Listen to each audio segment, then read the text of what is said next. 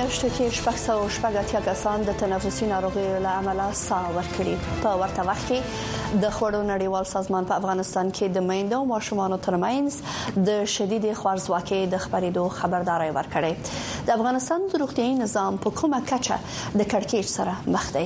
آیا په افغانستان کې تازه راپورته راپور شوي روغتيایي پیښې لدې وړاندې هم دومره وي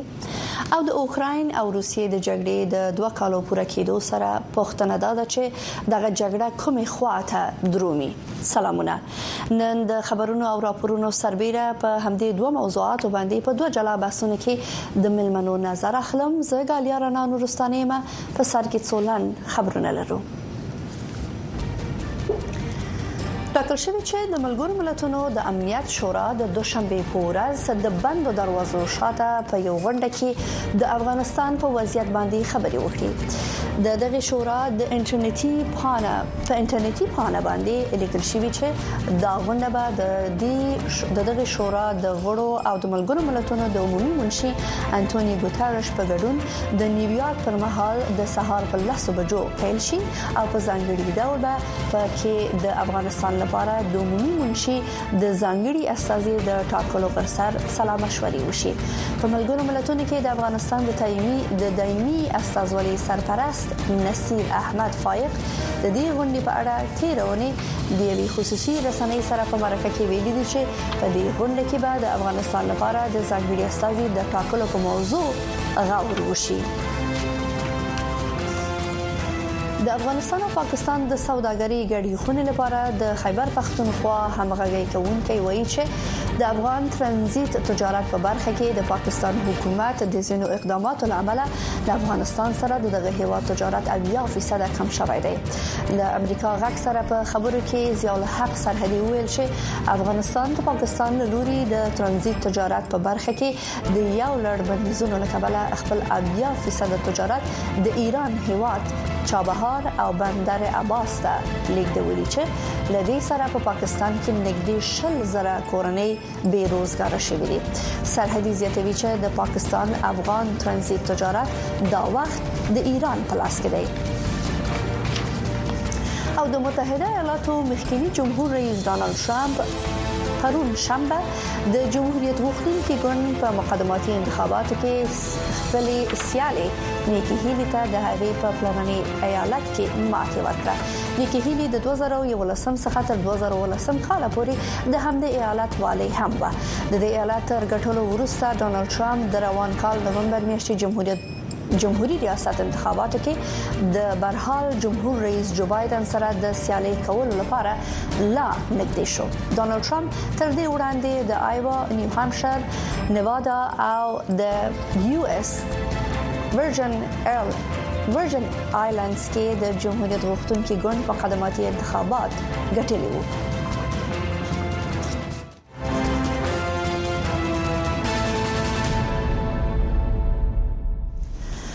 د طالبانو د حکومت د عامه روغتیا وزارت په یو شمېر ولایتونو کې د روغتيي زده کړو په دولتي انسټیټیوټونو کې د 12م ټولګیو د خزینه فارغانو د جذبولو پریکړه کړې ده که څه هم یو شمېر د دې اقدام هرکلی کوي خو وایي چې طالبان د طبي پوهنتونونو فعالیت ته هم اجازه ورکړي چې په افغانستان کې د ډاکټرانو د کموالي ستونزه هواره شي. د طالبان تر کنټرول لاندې د باختر اژانس وایي چې د عامه روغتیا وزارت د یو مکتوب په ترڅ کې د افغانستان په 11 ولایتونو کې د روغتيي زده کړو په دولتي انسټیټیوټونو کې د دولسم ټولګي او خزینه فارغانو د جذبولو او د زده کوونکو د نوم لیکنې بهیر پیل کړی دی په دوه زره یوویشتم کال کې د طالبانو له لوري په افغانستان کې له شپږم ټولګي پورته د نجونو او مېرمنو پر لوړو زده کړو تر بندیز لګولو وروسته دا لومړی ځل دی چې د روغتیايي علومو په انسټیټوټونو کې نجونو ته د زده کړو اجازه ورکول کېږي. په افغانستان کې د نرسنګ او قابله ګي دغه زده کړه چې نیمه عالي ورزده کړه ورته وایي، دا موده یې دوه کاله ده د دوه دوه کالو نو وروسته چې دا کله دای فارغيږي د دغه نیمه عالی انسټیټیوټ څخه دوی بیا د نرسنګ کارونه کول شي یا د قابلګي کارونه کوي نرسنګ کارونه به دای چې یا به یو سیروم تطبیقي یا به یو کانول تطبیقي یا به د مریض فشار ګوري یا به د مریض تبه ګوري خب د قابلګي په کار سي د یو نسایي ولدي متخصص سره به همکاري د روغتي علومو په انسټیټیوټونو کې انجونو ته د زده کړو اجازه په داسې وخت کې ورکول کیږي چې په افغانستان کې د روغتیا په سکتور کې د خزینه روغتي کارکونکو د کموالي په اړه یو شمېر نړیوالو سازمانونو اندېښنه خوده ده د بشري حقونو څار سازمان ویلي چې له افغانستان سره د روغتیا په برخه کې د نړیوالو د مرستو د کمېدو او د ښځو او نجونو له حقونو څخه طالبانو د جدي سرغړونو له امله د میلیونونو افغانان صحي سلامتیا له خطر سره مخامخ شوې ده. طالبانو د واکمنۍ سره ډېر کسان یا هغه صحي پرسونل زموږ د افغانستان نه بهر تللي دي او زما ډیر استادان همکاران هغه کسان سره چې زه په تماس کې یم هغه لبد مرغه افغانستان خوشی کړی او دا مختلف دلایل لري او موږ تاسو ته معلومه ده د رسنیو نه اورو چې تا د ډاکټر صاحبانو ژوند او مال هم په امان کې نه دی د طبي پوهنتونونو یو شمېر محصلینو امریکا غږ ته وویل، د دې پر ځای چې طالبان د دولسم ټولګي زده کوونکو ته په انسټیټوټونو کې د زده کړو اجازه ورکوي، دوی ته دې اجازه ورکړي چې تر فراغت وروسته په ټولنه کې کار وکړي. من شخصا خودم یک محصل طب هستم و سال اخیر است که باید من فارغ شوم و من حیث یک جامعه دکتر به جامعه خود تقدیم شوم فعلا تحصیل ما ممنوع شده و ما حق تحصیل را نداریم اما طالبا برای فارغین سنوف دوازدهم اجازه میدن که در بخش نرسنگ و در بخش قابلگی درس بخوانند هر کاری که اینا میکنند باید از خود یک معیار داشته باشد وقتی که ما در جامعه خود بر قابله و نرس ها ضرورت داریم در کنار از اینا بر یک دکتر زن ضرورت داریم که یک دکتر زن باید در دست این تیم باشه که در کنارش یک قابله و یک نرس هم وجود داشته باشه د بشري حقوقو څار سازمان د معلوماتو پر اساس په افغانستان کې سخت روغتيي بحران افغانان مخ په زیاتیدونکو ډول د سوی تغذی او نورو ناروغیو په وړاندې کمزوري او اغیزمن کړی دي وحید فیضی د امریکا غږ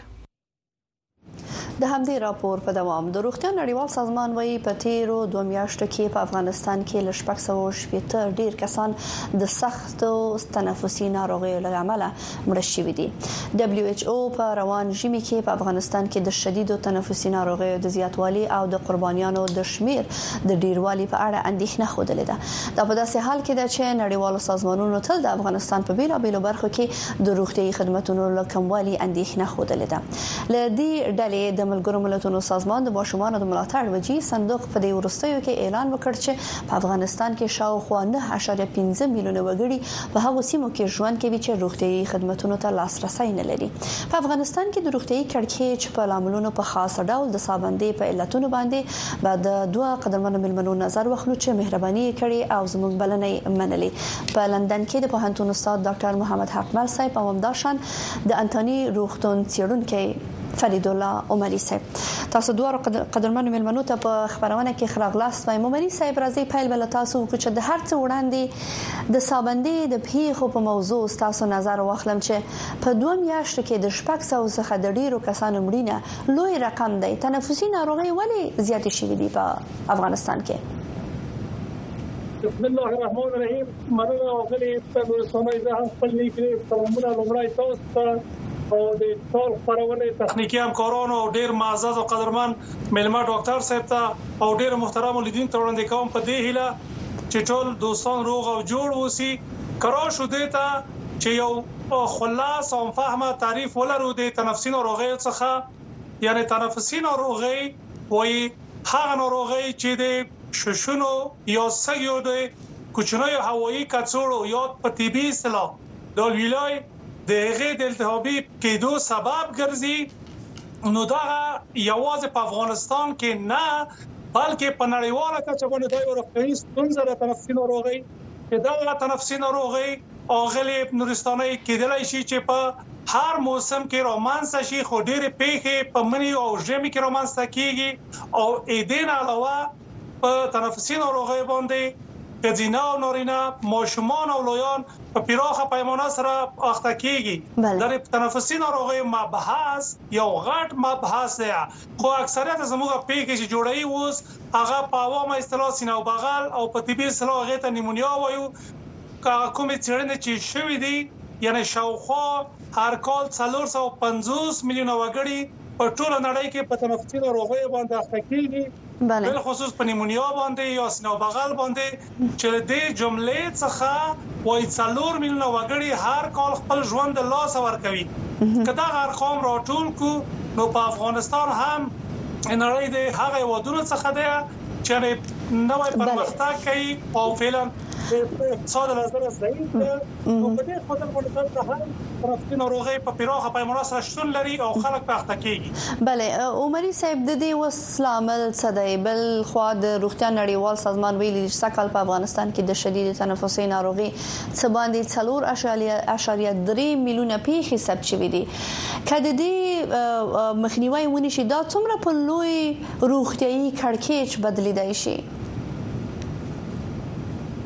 که راشو اول دې ته هغه هندوستانۍ چې د تنفسي ناروغیو عوامل په طبي اصطلاح باندې که ورته راشو کېدای شي په اول قدم کې ویروسونه دوهم بکتریاوې او درېیم هم فنګسونه د تنفسي ناروغیو ډېرې پېښې جوړوي خو علاوه یې دې نه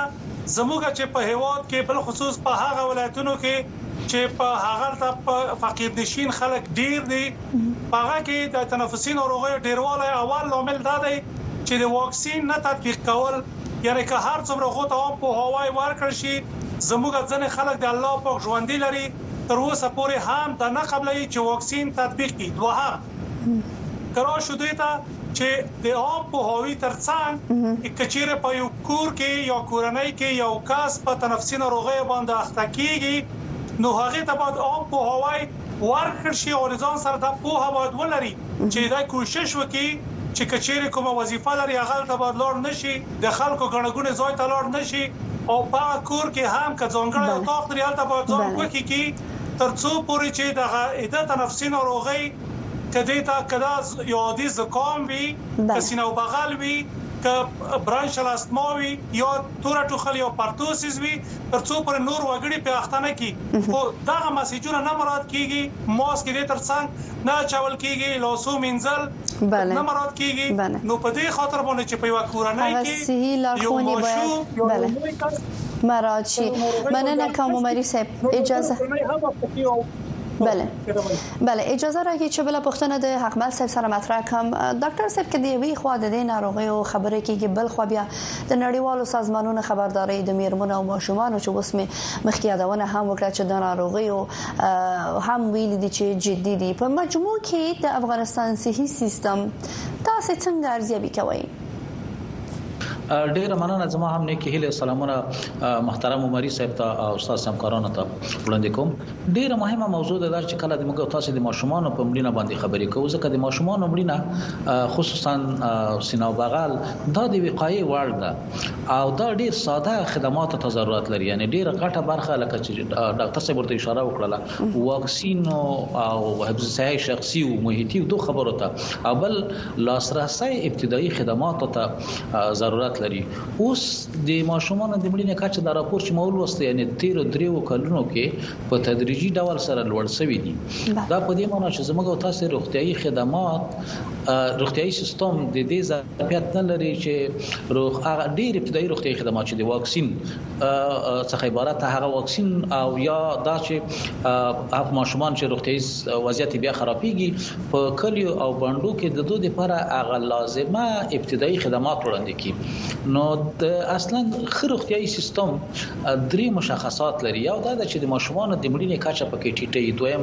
د مایندو پکې ټیټه دریم سار ساري ناروغي کچه پکې ټیټه چې دغه خپل وساري ناروغي دي چې ماشومانو سینه بغل هم یو دی یو دی غو اشکالونه ده نو اوسنی وضعیت په کتو سره او د روغتيايي سیستم وضعیت ښه نه ده روغتيايي سیستم ډیر زیات توجه ته ضرورت لري صاحب بله اوس اکمل صاحب په اوسنوي شرایطو کې یو خو د ماشومان او د خوارځواکي مسله ده اوس د سابندي موضوع چې مخکې د عمري صاحب سره می خبرې کولې په اوسنوي اوسنوي شرایطو کې د افغانستان د روغتیا سیستم کوم برخو ته باید ډیر پاملرنه وشي روغتيايي سیستم اصلا شپږ جزء لري د ټولنې مهم جز بشري برخه ده یعنی د هغه مسلکي کادرونه دي متاسفانه په دې تیر دریو کلونو کې ډیر مسلکي کادرونه هیواد پریخای د او خارج ته تللی دي د دې پراتلونکو کلونو کې دریو څلور کلونو کې متاسفانه د دې خلا هغه منفي تاثیرات پر اختیاري سیستم او تاسو ډیر کتلای سو هغه که د مدیریت په برخه کې هغه کچرته نور د تحقیقاتي برخه کې چې متځان مطمئن کې د نظارت په برخه کې یا د روغتیاي خدماتو د وړاندې کولو په برخه کې نو کچیرته موږ تاسو کافي منابع بشري و نه لرو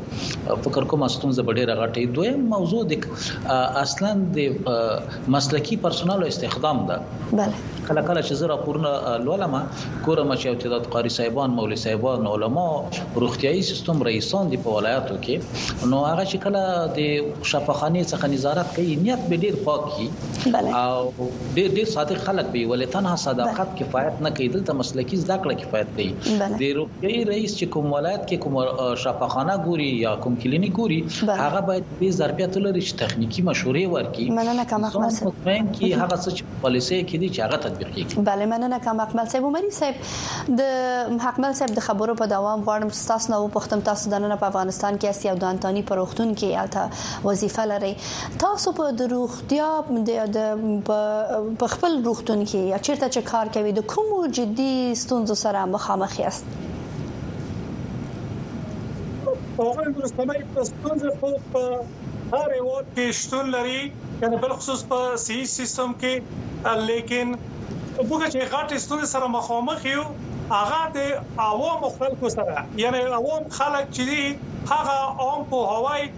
نه مني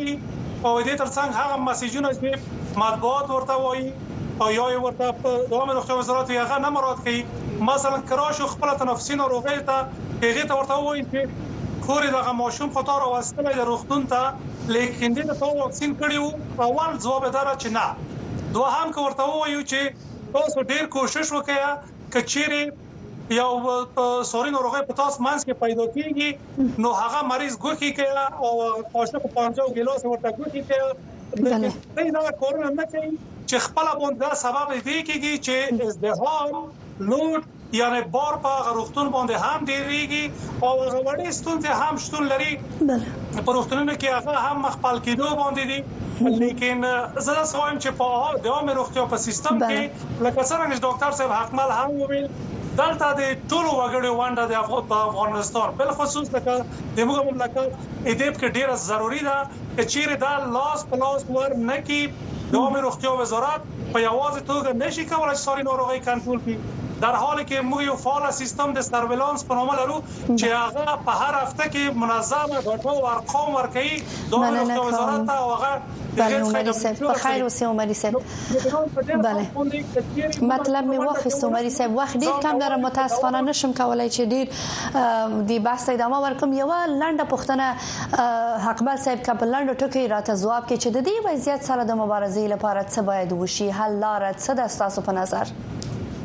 درې عمده اقدامات ته ضرورت ده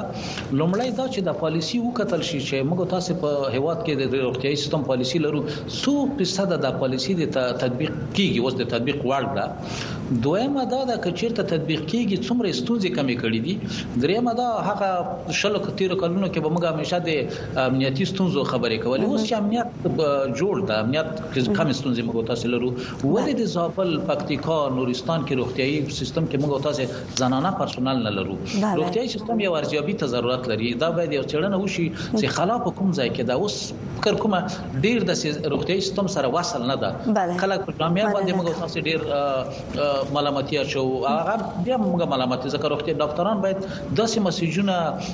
انکشاف ورکړي چې خلک ومني ډیر ډیر مننه کوم په لندن کې د بوهنتون استاد ډاکټر محمود اکمل صاحب همداشان د انتنی روغتون څیړونکی فریدالله عمری صاحب ستاسو د وخت او ارزونې نه مننه.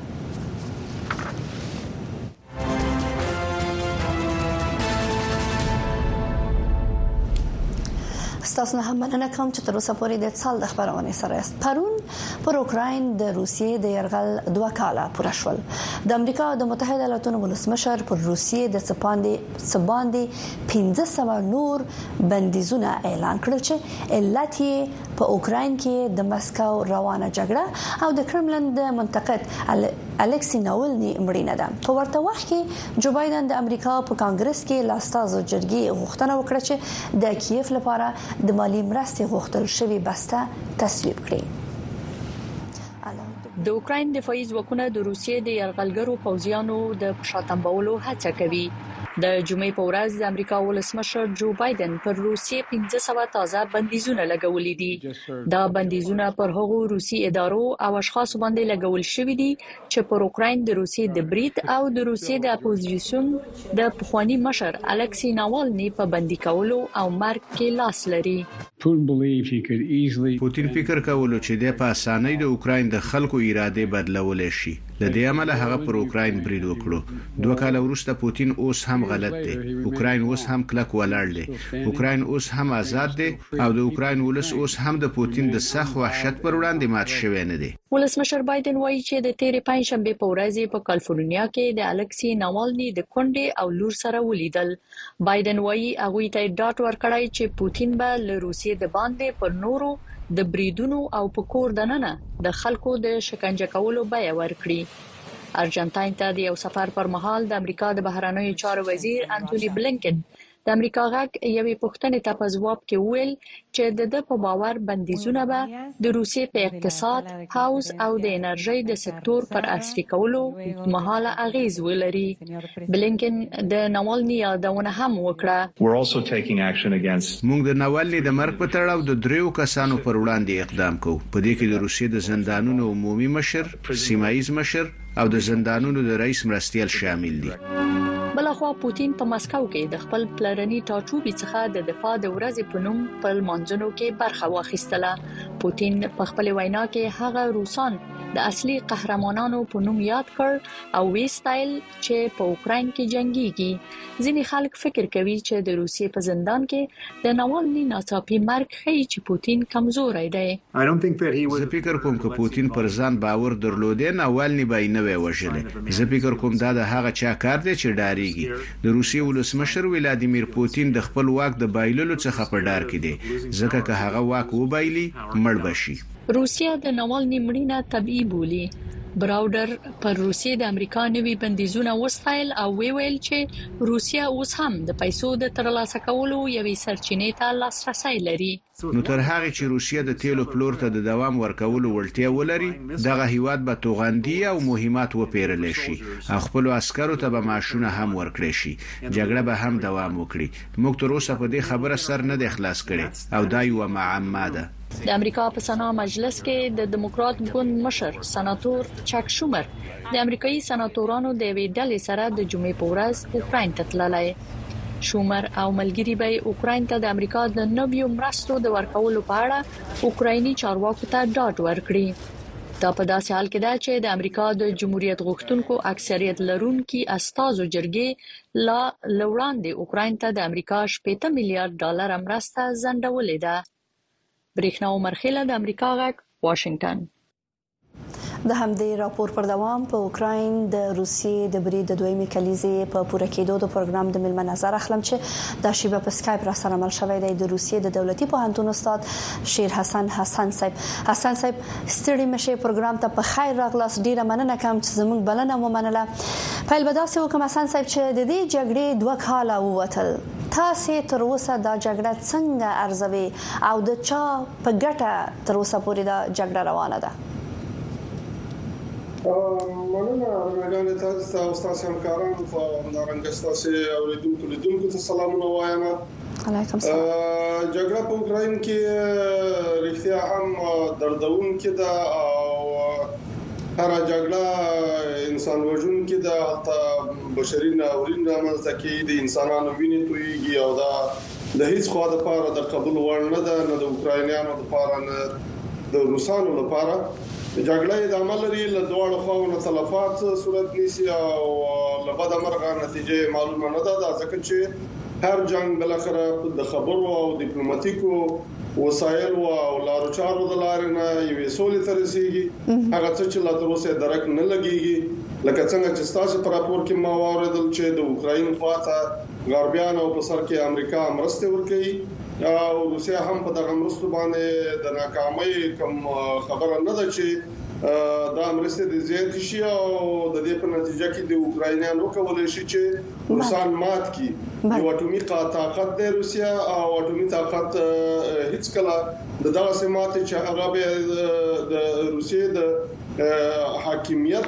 او د روسیې د دولتي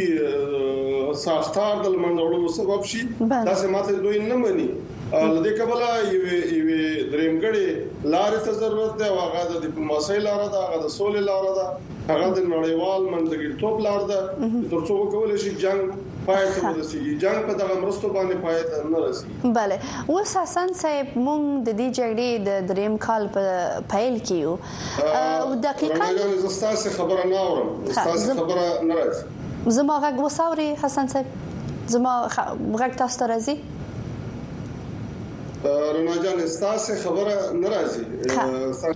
ښه موږ به کوښښ وکړو همکاران کوښښ کوي چې که څه تخنیکی ستونزې تاسو زما غږ واوري که تاسو زما غږ لري ماته نه راځي زما غږ تاسو ته حسن صاحب خبره مې پښتنه مې دا کوله چې په دې جګړه کې روسیې څه تر لاسه کړل او څه له لاسه ورکړل نو په جنګ کې خو حتماً ستاسې خبره سمه ده چې څه لاس ته راځي او څه له لاسه ځي، د دوی د جنګ هدف واضح دی او هغه دا دی چې دوی وايي چې په اوکراین کې موږ هغه نازیان له منځه وړو چې غواړي د اوکراین خاوره او د اوکراین قلمرو د روسیې دښمن قلمرو باندې بدل کړي. دوی د اوکراین په جنوبي شرق کې هغه سیمې د اوکراینیانو څخه نیولي دي چې هلته اکثریت روسان اوسېږي، روسي ژبي او روسي ترکمه خلک اوسېږي او په هغوی باندې ظلم کېده. د دوه زره څوارلسم کال نه رادېخوا ته په هغوی باندې جګړه وه، د طیارو پورې، د توپونو پورې، تر ټانکونو پورې په هغوی باندې استعمال شو او په هغوی کې تر څوارلسو زرو زیات خلک، ماشومان او ښځې او سپین ږیري او نظامیان او غیر نظامیان ووژل شول. بله. د لاسته راوړنه دا ده چې دوی وايي چې دوی دغه سیمې له هغو خلکو څخه خلاصې کړې دي چې په روسي توکمه خلکو یې ظلم کاوه ولې تا حتمن لري او هغه هغه بشري ناورین دی چې حتمن په جګړه کې انسانان د منځ دي د دوی عسكر وژل کیږي او کوم تاوان رسیږي دا یې د لاس وتنې دي او هغه لاس راوړنې دي چې دوی وايي موږ چې روسیه یې لاس راوړنه بولي bale حسن صاحب د دې بحث پای شی بو تر نګدي شي ویو غواړم چې یو ورسته پښتنه داسې مطرح کوم چې په هاین حال کې چې په امریکا کې د اوکرين سره د مرستې په اړه ناندرې مخ په ډیری دودي ل ایران څخه روسیه ته د تجهیزاتو لیګل دوام لري دغه د تجهیزاتو او توغندیو استول د اوکرين په جګړه کې به اغیز څه وي؟ آیا دا به په دې جګړه کې د اوکراین د ماتې لامل شي؟ خبره دا ده چې د وسلو او د پیسو او د مرستو ادامه د غربیانو د ناتو او د امریکې له خوا اوکراینیانو ته روانه ده او د روسیې د دوستانو چې ایران یې حتمن په دوستانو کې راځي دا هغه مرسته روسیې ته روانه ده او دا خبره چې اوکراین د مات شي د ایران په مرسته باندې دا هم خبره دغه نه ده د ایران د اوکرين د ماتېدو خبره هم لري دا او د روسي د ماتېدو خبره هم لري دا تر ټولو ښه خبره دا ده چې نړیوال په دې خبره کې مداخله وکړي او د اوکرين او روسي د جنگ په دغه کې په ختمېدو کې د ډیپلوماټیکو او سولې خبرو اترو لارې دا جنگ پای ته ورسېږي ترڅو د راتلونکي بشري ناورین مخه ونیو. بله ډیره ډیره مننه کوم د روسیې د دولتي پوهنتون استاد شیر حسن حسن صاحب ستاسو د وخت او ارزونې څخه په خیر اوسئ مننه کوم ډیر قدرمن لیدونکو په همدې ځای دا خبرونه هم پای ته رسیدي ستاسو لملتیا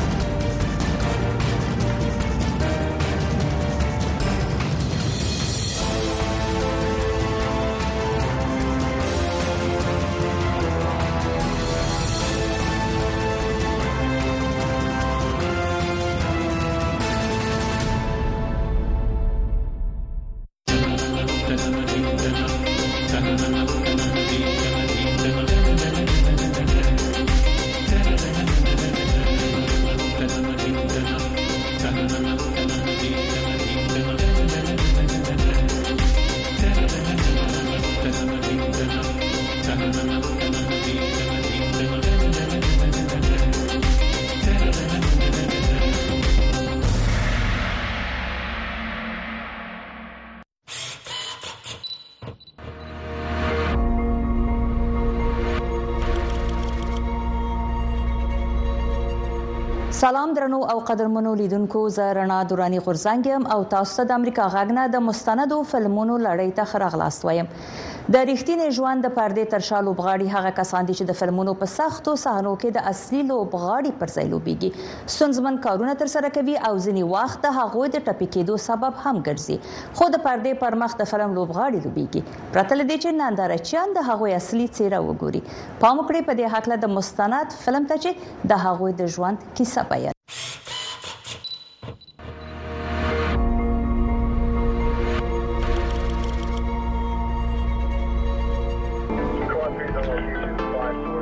د اور وژونکو دنده په نړۍ کې تر ټولو ښه دنده ده په دې معنی چې زه هر ورځ کار ته راځم په هیګم چې ل یو چا سره به مرسته کوم که هغه مرسته کوچنی وي کلویا د دې لپاره چې زموږ کار خطر سره شي ډېری روزنې او تمرین ته اړتیا ده خو ارزښت لري ټول نه سخت کار چې کوو او ټوله تمرینونه چې کوو ارزښت یې لري ځکه په پای کې موږ د یو چا ژوند ژغورلی وي او یا لږ تر لږه مو کوچنۍ مرسته ورسره رسولې وي زما نوم پیټر لی دی زه یو اور وژونکی یم او د انګل ووډ اور وژنې ادارې سره کار کوم.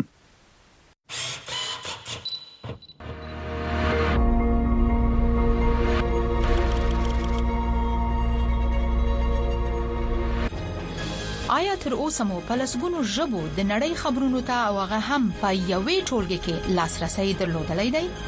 د امریکا غږ اپلیکیشن تاسو ته دغه اسانتیا برابروي کچېره اپل لري اپل سټور ته او که انډراید لرئ نو ګوګل پلی ته لاړ شئ او د وی او ای اپلیکیشن ولټوئ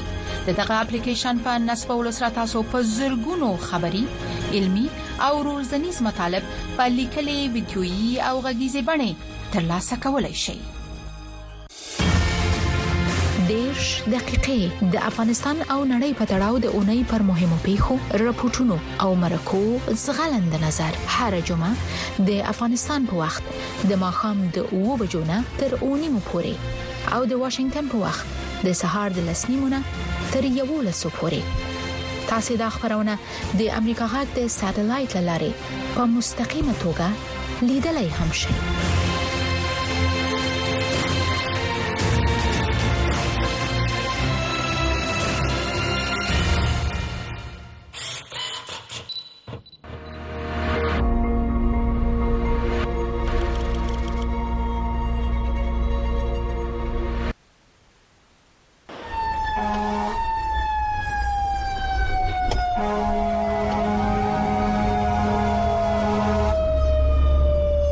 د کنټینر په څیر ښکاری زه ترې تیریږم وو دوی له مخ په کښته سطح څخه نسی راتلی الو زه اقدام ته آماده یم هو هو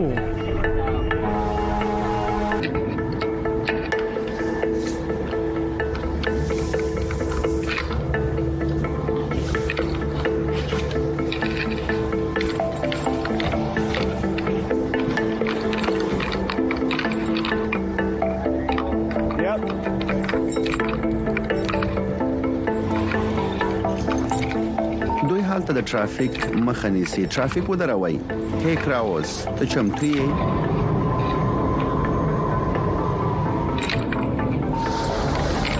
کولای شئ دا شی خلاص کړئ او خپل ټریلر پورته کړئ کفل نسم کښولای چیرته دی هلته د د ټایر سر ته هغه د ټایر او د ټراکټور د ټریلر ترمنځ وو سم ده نو ته نشې ورسېدلې زه یې نسم کشولی. سمه ده هیڅ خبره نده تشویش مه کوه موږ نه پریږدو چې څه ور پیښ شي. به ښه وه.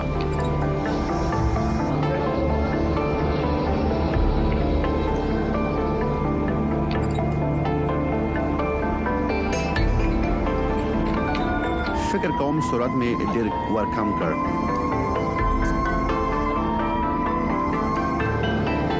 هر څومره ژر چې ماته اوبه راکړئ تاسو ته به یې درورسوم. زه، هو، زه بېرته شاته ځم. هو، هی، ښايي له دغه ځایه و. تا به پرېږدم چې پرېکړه وکړې، سمه ده؟ هو، یو بل هم لرو. همدا چې اوبه ترلاسه کړم، شریکوم یې، خو فکر نه کوم چې شریک به یې کړم، ډېره علاقه نه ده. ستا غاز د تنفس لپاره هوایي کڅوړه څنګه ده او ستا ستا څنګه ده زه سم یم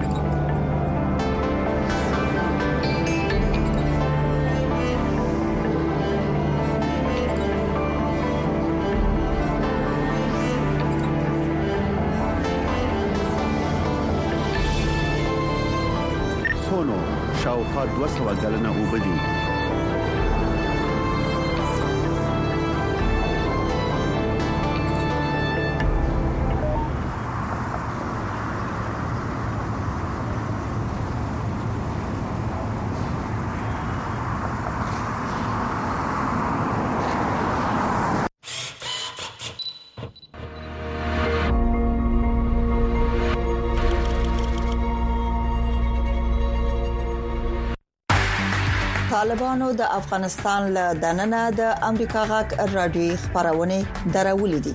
خو تاسو کولی شئ زموږ پښتو خبرونه پر لاندو چپو هم واورئ پښتو سهارنۍ خبری خبرونه پر 2290 چپو اوریدل شئ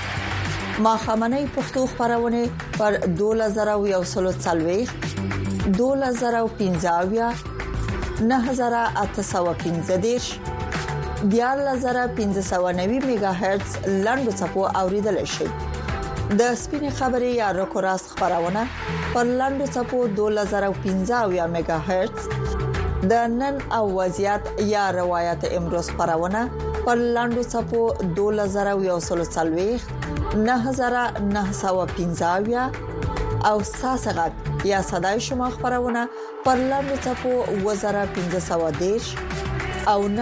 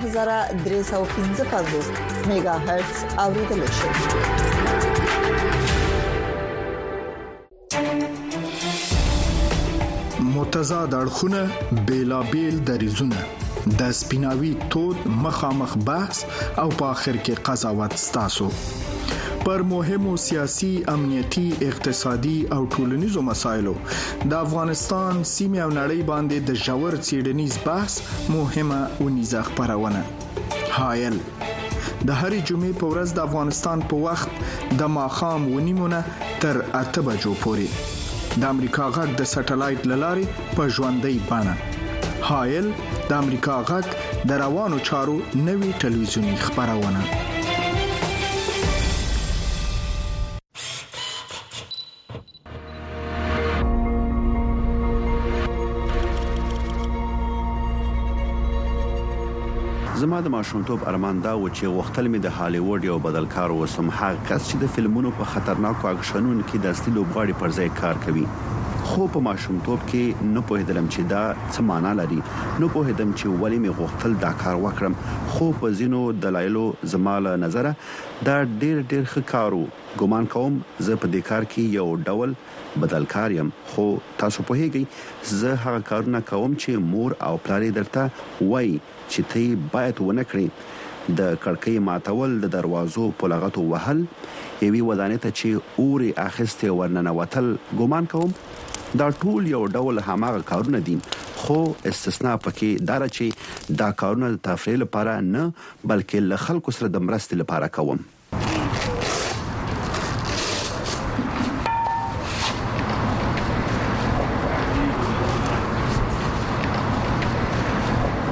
دا واسکټ د شپاونه دی تقریبا د هماغو وسایلو وزن او محدودیتونه لري چې موږ یې اغوندو نو کې ورتیا ولرو موږ لدې سره تمرین کوو څو وکولای شو ځینو هغو شرایطو ته ورته تقریب وکړو چې د اور وژنې پر وخت ورسره مخامخ کیږو دا شل پاونډه واسکټ دی او هغه د شګو یو او یا پاونډه کڅوړه ده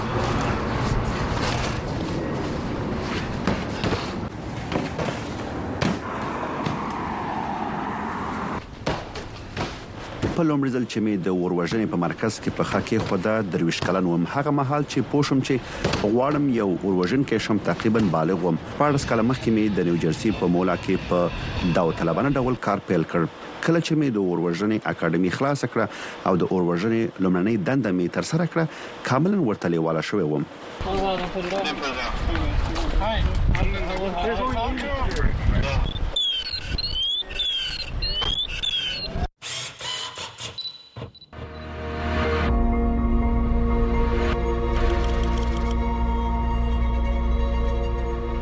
د نړۍ په هر ځای کې چې یاست د باوري موثقو او اړخیزو خبرونو د ترلاسه کولو څخه یو کلیک لری یاست وی او پلس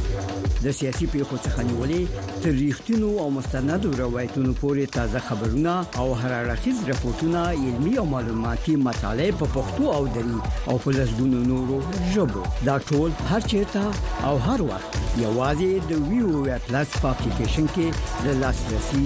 وړ دي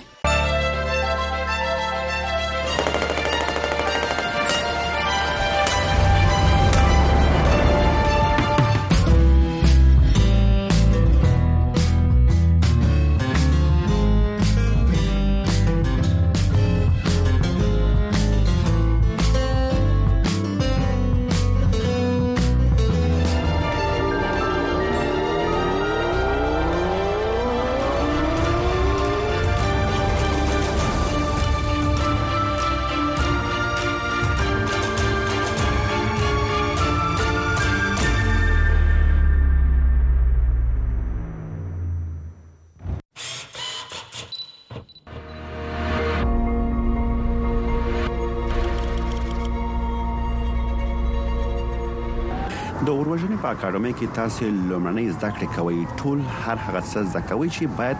له اساسه پوه شئ چې کله یو سوزیدونکو ودانۍ ته ننوځئ نو د یو اوروژنکي په حیث څه باید وکړئ کله چې تاسو د یو اوروژنکي په حیث په یوې سوزیدونکو ودانۍ کې یاست خو په دې ټولو محافظتي وسایلو کې موږ تنفسي محافظ لرو حرارتي یا د تودوخي محافظ لرو لاسونه او پښې مو خوندي شوي او تقریبا ټول پوښل شوي یو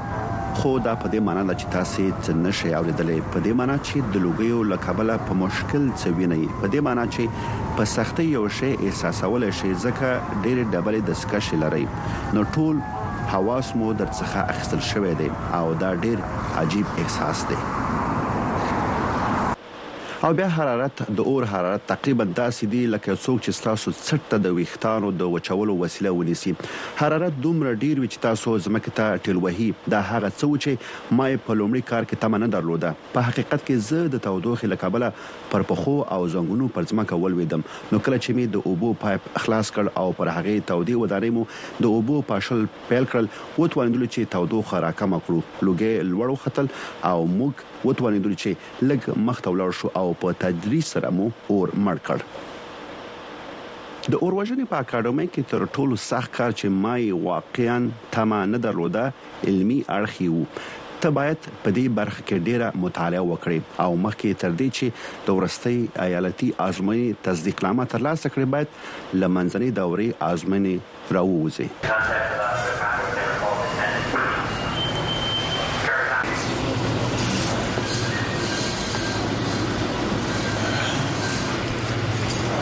سټیف انګل ووډ یو ډیر متفاوت ښار دی، له خلکو نیولې بیا د ودانیو تر ډول پورې چې موږ یې لرو. کله چې له یوه اور وژنکي سره خبرې کوئ او ترې پوښتئ چې څه ډول ښار ته کار کوئ، ستاسو د اور وژنې اداره په ټوله کې څه کوي، نو ځواب یې معمولاً د ودانیو او جغرافیې د څرنګوالي پر اساس وي. د مثال په توګه موږ عام سړکونه لرو، لویې لار لرو، او هم د ایالتونو ترمنځ لارې لرو نو موږ د موټرو ډېر ټکرونه لرو چې باید ورته ورسیږو هر وخت یو برېښنايي بیړنۍ پیښه وي چې د یو چا شتمني ګواښي د هوا اړوند بیړنۍ پیښې لرو چې توند بادونه ونې پر سړکونو راغورځوي او یا ونې د برېښنا پر مزو رالویږي.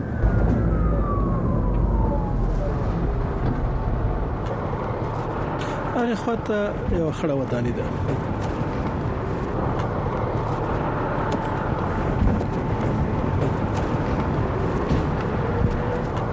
د اور وژنې اداره څوک په کور کې شته هلو دلته څوک شته مهرباني وکړئ بهر ته پاتې شئ خو زه په تمه یم د اور وژنې اداره کوم څوک دلته شته هیڅ که څه هم یو ډول خندون کې دي ځکه دوی په انګړ کې پاتې وو پوهېږم فقط شاوخوا مو وکتل سمه ده کاذب کار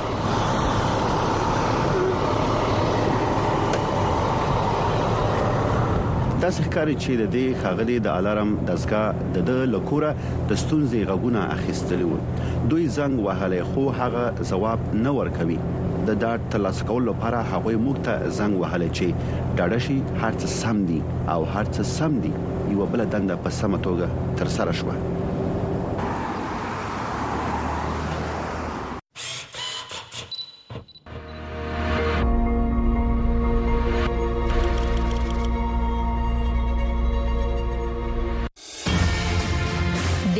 دقیقې د افغانستان او نړۍ په تړاو د اونۍ پر مهمو پیښو رپورټونو او مرکو زغلند نظر هر جمعه د افغانستان په وخت د ماخام د 2 بجو نه تر 9 نیمو پورې او د واشنگټن په وخت د سهار د لسنیمونه تر یو لسو پورې تاسو دا خبرونه د امریکا غږ د سټلایټ لارې په مستقیمه توګه لیدلای هم شئ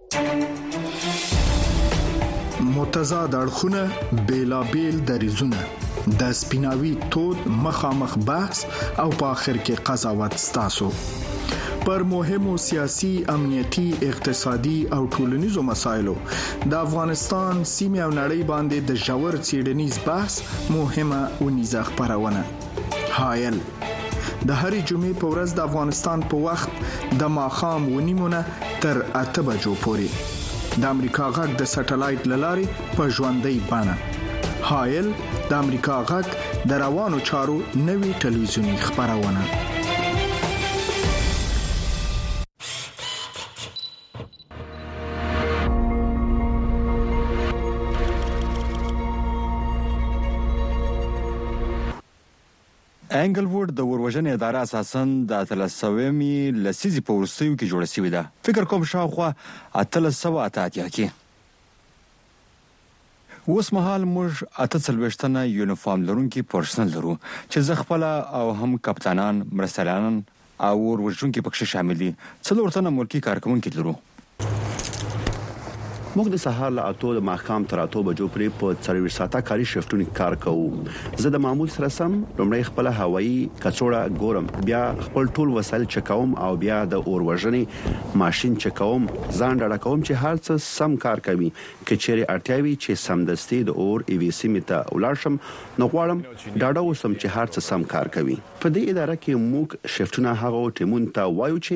یوه ډله کسان یو ځای کار ترسره کوي. موږ هغه ته پلاتون یا ټیم وایو. زه په دې دوهم ټیم کې کار کوم چې په ټوله اداره کې عالي دی. زه له عالي مشرانو سره کار کوم او له عالي اور وژونکو سره. پیټر یو ډیر ښه اور وژونکی دی، هغه دې مسلک ته ډیره لیولتیا ښیي، هغه په دې ډیر ویاړي او په دوامداره توګه له زده کړې سره علاقه لري. پر یو ډیر ښه اور وژونکي سربیره هغه ډیر ښه سړی دی. پیټر ښه سړی دی، هغه یقیناً ښه سړی دی، له تمرین سره مینه لري، نویو کسانو ته د لارښوونې سره علاقه لري او سل په سلو کې پر هغوی باور لري. چې یوه پوښتنه ولرم، دی دقیقاً هغه کس دی چې زده کړې لپاره ورته ورځم، احساس کوم چې ځینې وختونه په عذابوم او پوښتنه ترې کوم خو پوهېږم چې دی دا کار کولی شي. کله چې یو بل ته اړتیا لرو دلته شته چې یو بل باندې باور ته اړتیا لرو وار له مخه موږ پر یو بل باوري یو مجبور نه یو چې نامعلوم خطرنه ومنو ځکه له وړاندې موږ یو بل ښه پېژنو او په ګډه مو سخت کار کړی دی او دا یوه ځانګړنه ده. دا د تمرین یوه پایه ده چې موږ یې کاروو، هلته له دروازې سره یې دي چې هر کله تمرین کوو نو دا کار کوو.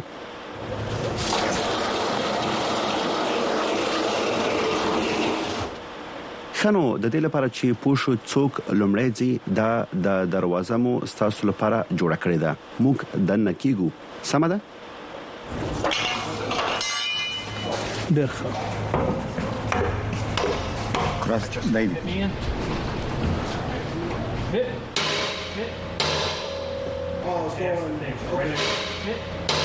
هی کراس ته په هیګه چیرته زی سم ده سم ده زه چې لویدم د اور وژنې لارې به مې لیدلې خو کوریايي اوروژونکی مې نه و لیدلی، هیڅکله مې یو کوریايي اوروژونکی نه پیژانده، په حقیقت کې تر هغو چې د دوه ویشت یا درویشت کلونو کیدم هیڅ اوروژونکی مې نه پیژانده، دا د حیرانتیا خبره نه ده چې ډیر کوریایان په دې دنده کې نه شته، ځکه د کوریايي امریکايي کډوالو کلتور په عامه خدماتو، د اوروژنې پولیس، بیړني طبي خدماتو ټینګار نه کوي، بلکې ټینګار یې. پر معمولو کارونو دی لکه ډاکټر، حقوق پو یا وکیل، محاسب او یا دا چې خپله یوه کوچنۍ سوداګري ولري. زه فکر کوم که چیرې نورو کوريي امریکایانو ته وویل شي چې د اور وژنې دنده څه ډول ده ښايي هغوی به هم لیواله شي ځکه دا یوه عالي دنده ده. ډیر ښه راځئ چې ځو.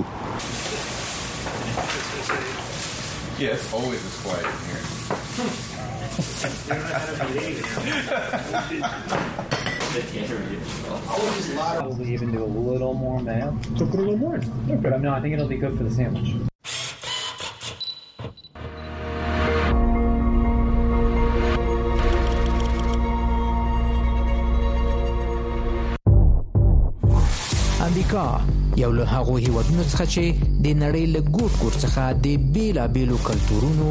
دودونو، ملیتونو او ارزښتونو کوربه دی په امریکا کې ژوند او دلته مهاجرت کول لکه د نورو هیوادونو په څیر خپلې ښېګڼې او سختۍ لري ځینې خلک په خپلو هڅو او له فرصتونو نه په ګټې اخیستو خپلو هیلو ته رسیږي خو ځینې نور بیا له ستونزو سره مخ کیږي ژوند په امریکا کې هر جمعه د افغانستان تانت وخت دی مازیګر له شپږو نه تر شپږ نیمو بجو او د ختیځ امریکا په وخت د سهار له نه نیمو تر لسو بجو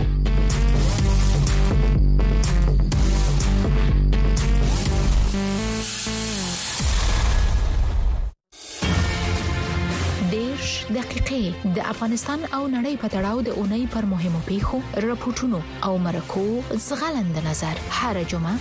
د افغانستان په وخت د ماخام د 2 بجو نه تر 9 مو پورې او د واشنگټن په وخت د سهار د 10 نیمو نه تر 11 پورې تاسو دا خبرونه د امریکا غږ د ساتلایت لارې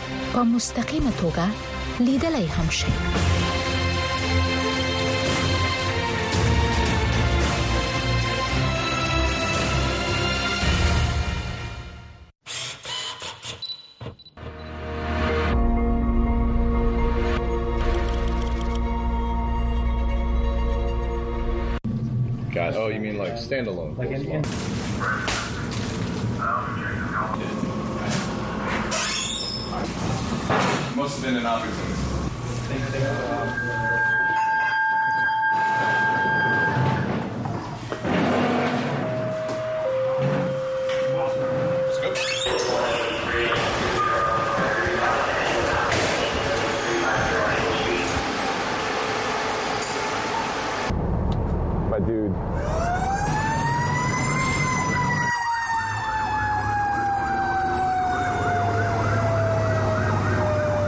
څنګه یې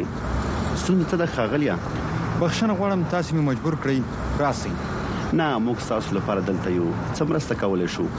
د برښنا د مزي شارټ لاین سره مرسته غواړم دوی ماته وویل چې مخکې تر دې چې کار ستونزمن شي تاسو باید دلته راسئ.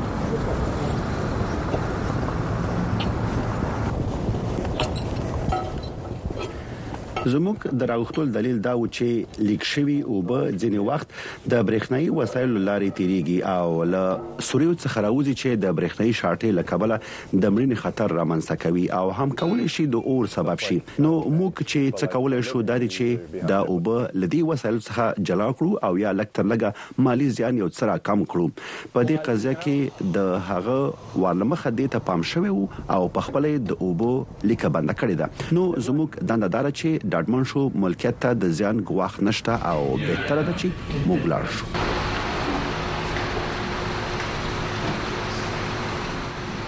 په څلوېښت ساعته شفت کې موږ د شپې له خوا کومې بیړنۍ پېښې ته ونه غوښتل شو، نو موږ پورته د خوب په خونه کې پاتې کېږو.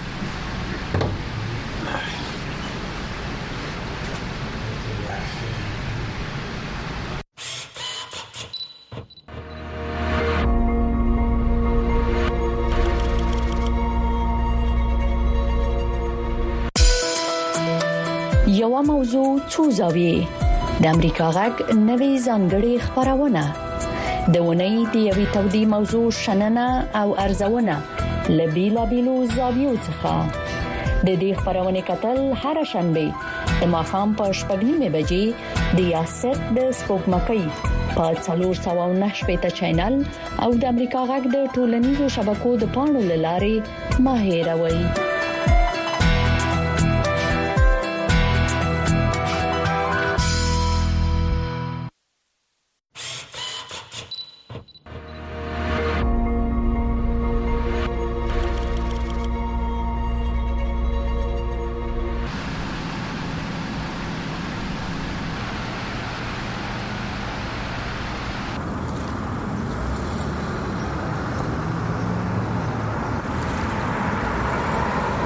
پرونی شیف داسې و لکه ما چې د غوره کسانو سره کار کړی وي نو هر ورځ چې دلته یم یو ډیره ښه ورځ ده یقینا غواړم چې بیرته ولاړ شم او خپل کورنۍ ووینم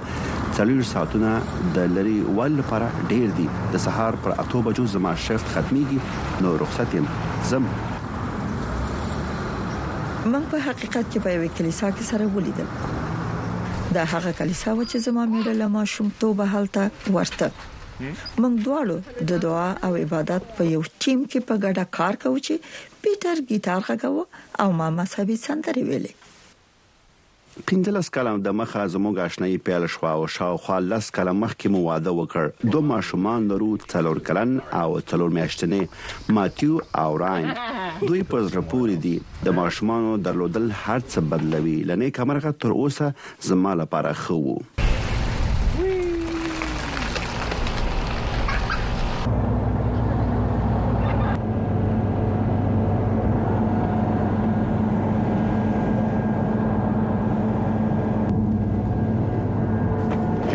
څنګه یې وروره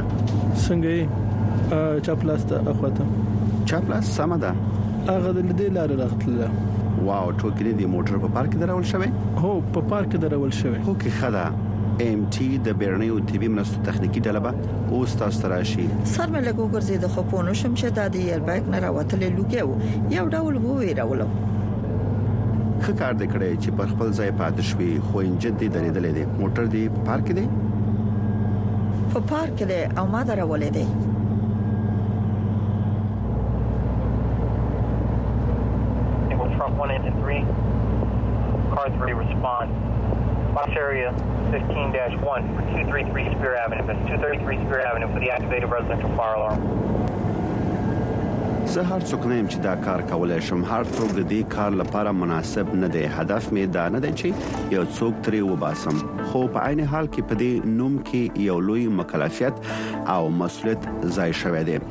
د اور وژونکي کار یو له محدودو مسلکونو څخه دی چې په امریکا کې پاتې دي خلک د اور وژنې پر ادارې باور لري دوی پښتنه نه کوي چې موږ څه کوو دا نه پوښتي چې ولې دلته یو او کله چې خپل کار کوو خلک تمه لري چې په سمه توګه تر سره کړو راتلونکي اوروژونکو ته زما سپارښتنه ده چې مهمه نه ده څه کوي مهمه نه ده چیرې ځي